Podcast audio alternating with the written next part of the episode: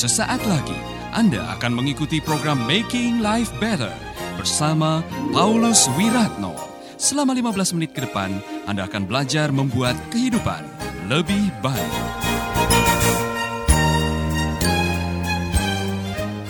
Oke, baik. Saya mau mengajak uh, Bapak Ibu merenungkan satu hal yang saya pikir ini uh, penting sekali mengenai misteri antara memiliki dan menikmati. Saya membaca di dalam kitab pengkhotbah, saya merenungkan beberapa uh, hari ini mengenai orang-orang yang kasihan. Orang-orang yang memiliki tapi kasihan hidupnya. Ternyata ada orang yang punya segalanya tapi tidak bisa menikmati apa yang dimilikinya. Nah orang-orang ini masuk dalam golongan orang-orang yang sangat kasihan sekali. Ada juga katakan orang yang punya anak 100 tapi masa tuanya tidak puas hidupnya dan akhir hidupnya mengenaskan karena penguburannya tidak layak. Ada ada kasus seperti ini di dalam Alkitab. Kalau saudara bisa memiliki dan puas dengan apa yang kau miliki, kemudian engkau bisa menikmati apa yang kau miliki, menurut Alkitab itu adalah kasih karunia Tuhan. Apa gunanya memiliki banyak tetapi kita tidak bisa menikmati? Saudara pernah ketemu dengan orang yang memiliki tapi tidak bisa menikmati? Ada banyak saudara, kasus banyak. Saya mempelajari kisah-kisah orang kaya yang mati mengenaskan itu ternyata banyak. Saudara search saja di Google, orang kaya yang mati mengenaskan salah satunya adalah ada uh, anaknya orang kaya di Hong Kong yang waktu meninggal, saudara ternyata dalam keadaan yang sangat memprihatinkan karena narkoba. Ada juga yang mati dalam keadaan mengenaskan karena mayatnya ditemukan tujuh hari setelah dia mati. Ada juga yang mati bunuh diri, orang yang sangat kaya raya mati bunuh diri. Nah saudara-saudara, itu membuktikan bahwa bahagia itu tidak otomatis datang karena engkau jadi orang kaya ya kan? Jadi itu membuktikan bahwa memiliki tidak menjamin bahwa engkau akan bisa menikmati. Dibutuhkan resep yang lain bagaimana engkau menikmati apa yang engkau miliki. Nah, ini penting sekali. Kalau tidak, akhirnya kita akan menderita juga. Nah, mari kita akan uh, melihat di dalam kitab pengkhotbah. Saudara bisa membuka dalam kitab pengkhotbah. Ada ayat yang bunyi begini, dan aku melihat bahwa segala jerih payah dan segala kecakapan dalam uh, pekerjaan adalah iri hati seorang terhadap yang lain. Ini pun kesia-siaan dan usaha menjaring angin. Ada orang-orang yang ingin memiliki tujuannya bukan untuk menikmati. Ada orang yang ingin memiliki lebih untuk menyembuhkan masalah iri hati dalam hatinya. Saudara pernah ketemu orang yang kerja keras tujuannya hanya untuk melebihi orang lain supaya iri hatinya itu terobati. Nah, kalau saudara kerja keras hanya untuk mengobati iri hati kan kasihan sekali. Ya kan? Pernah ketemu orang macam begini? Kasihan Saudara. Kalau saudara ketemu dengan orang seperti ini. Kemudian perhatikan pasal 6 ya. Ada suatu kemalangan yang telah kulihat di bawah matahari yang sangat menekan manusia. Orang yang dikaruniai Allah kekayaan, dengar baik-baik, kekayaan itu adalah karunia. Itu pemberian Tuhan.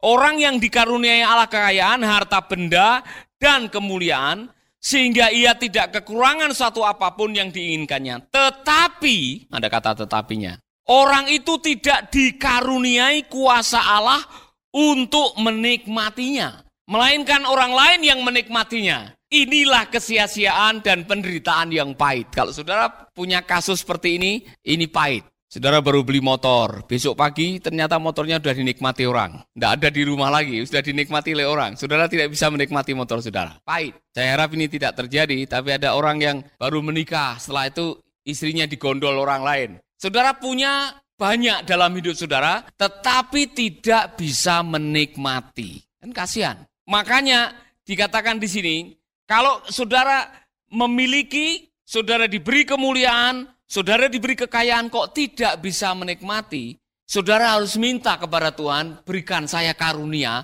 untuk bisa menikmati. Karena ternyata bisa menikmati pekerjaan, bisa menikmati gaji, bisa menikmati makanan, itu karunia Tuhan. Saudara baru rasa bagaimana susahnya tidak bisa menikmati. Saya pernah kehilangan rasa enam bulan. Kalau saudara kehilangan rasa, saudara makan ayam goreng dengan makan debok pisang, itu sama rasanya.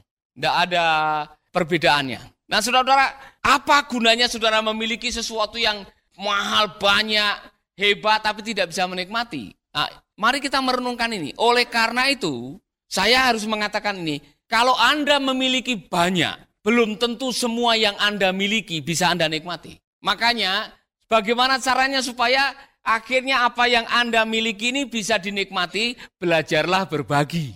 Amin. Oke, berikutnya di sini menarik. Kalau sampai ada orang memiliki tidak bisa menikmati, maka ini dikatakan penderitaan yang pahit. Tragedi gagal menikmati ini membuat kita bisa menderita. Mana lebih baik saudara tidak memiliki tetapi menikmati daripada memiliki tapi tidak menikmati. Amin. Belajarlah menikmati. Kita lanjutkan ayat yang ketiga, pasal 6 ayat yang ketiga. Jika orang memperoleh 100 anak dan hidup lama sampai mencapai umur panjang. Siapa yang mau punya 100 anak? Di dalam perjanjian lama, anak itu rezeki. Banyak anak, banyak rezeki. Jadi konsepnya kalau di dalam perjanjian lama, anaknya banyak itu bangganya bukan main pada zaman itu. Anakmu berapa? 100. Wow. Jadi itu kebanggaan. Harusnya orang yang punya 100 anak itu bangga. Tapi perhatikan di sini. Jika orang memperoleh 100 dan hidup lama sampai umur panjang, tetapi ia tidak puas dengan kesenangan, anak gugur lebih baik daripada orang ini. Anda masih bersama Paulus Wiratno di Making Life Better.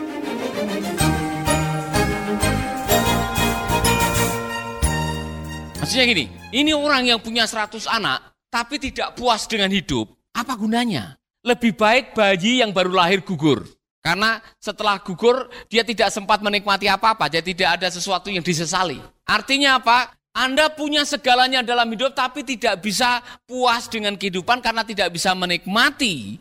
Sia-sialah hidup ini. Makanya kalau punya uang datang ke Bali jalan-jalan, nikmati hidup. Iya kan? Nikmati hidup Anda, hidup ini singkat. Kita tidak akan pernah tahu sampai kapan kita diberi hidup oleh Tuhan.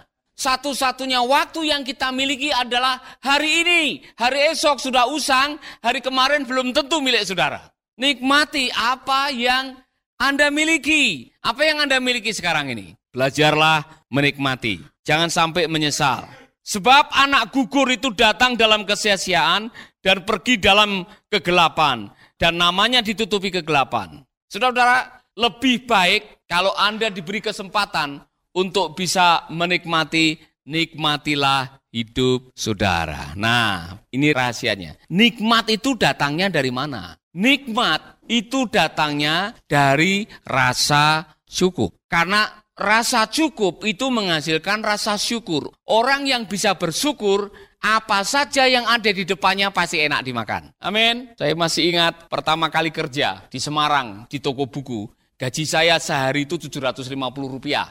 Itu tahun 84. Satu hari 750 rupiah. Untuk naik bis kota PP itu 50 rupiah waktu itu. Jadi saya masih bisa mengantongi 700. Nasi pecel sama tempe goreng yang saya kalau turun dari bis kota menuju ke tempat kerja itu di pinggiran itu ada warung-warung itu. Jadi kalau pagi waktu mau berangkat kerja atau siang tuh bau orang goreng tempe, bau orang masa itu wah rasanya kalau bisa makan itu enaknya bukan main gitu kan. Tapi karena saya mau ngirit, saya bawa makanan sendiri. Saya bawa nasi biasanya sama tahu, sama sambal, udah begitu aja. Itu saja kalau jam makan, itu enaknya bukan main.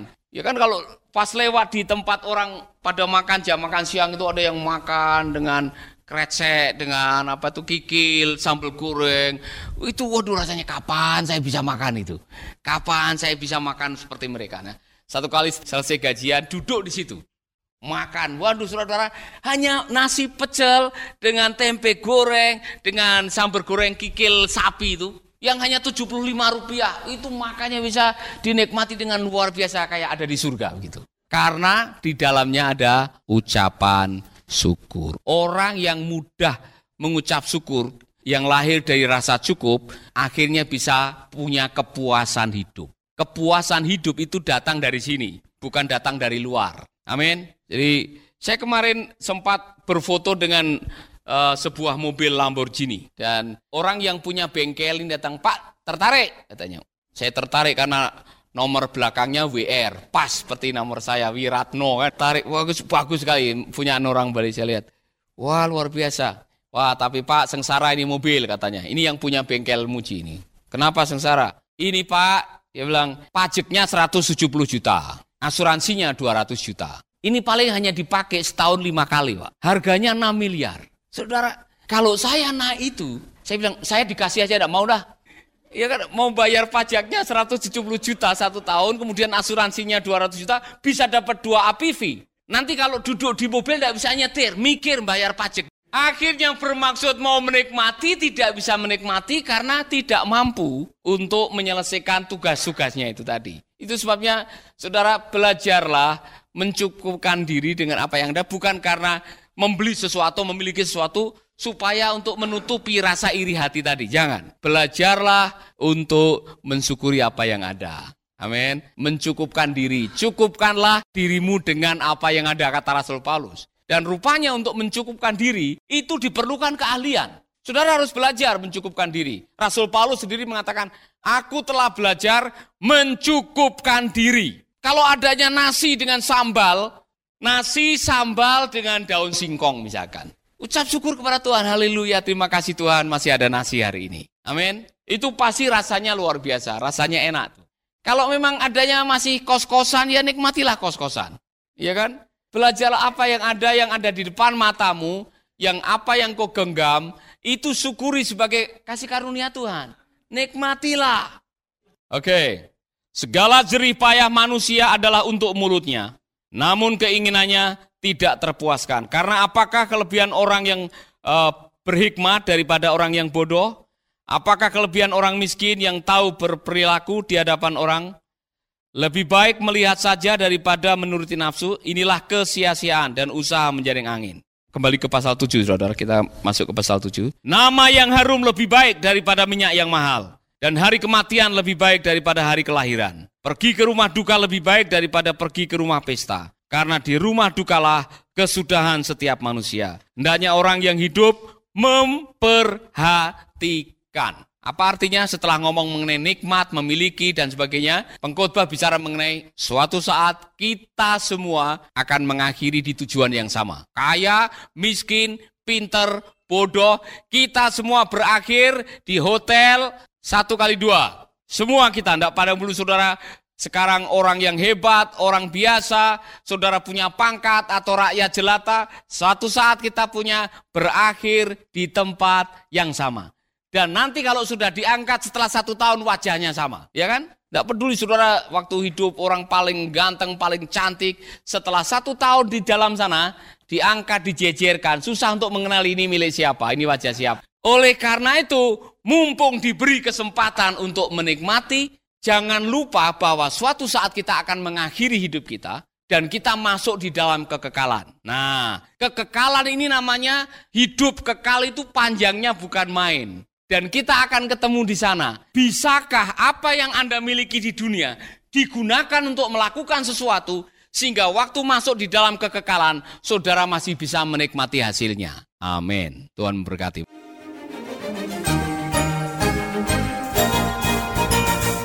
Baru saja Anda mendengarkan Making Life Better bersama Paulus Wiratno. Jika Anda diberkati, kirimkan kesaksian Anda ke Radio Dian Mandiri Jalan Intan LC2 Gang 4 Nomor 1 Denpasar, Bali. Kunjungi website kami di www.pauluswiratno.org, Facebook Paulus Wiratno. Hubungi kami di 081 338 665500. Sekali lagi 081 338 665500. Terima kasih, Tuhan memberkati. Sahabat, Anda baru saja mengikuti program Making Life Better bersama Paulus Wiratno. Terima kasih atas kebersamaan Anda. Tuhan memberkati.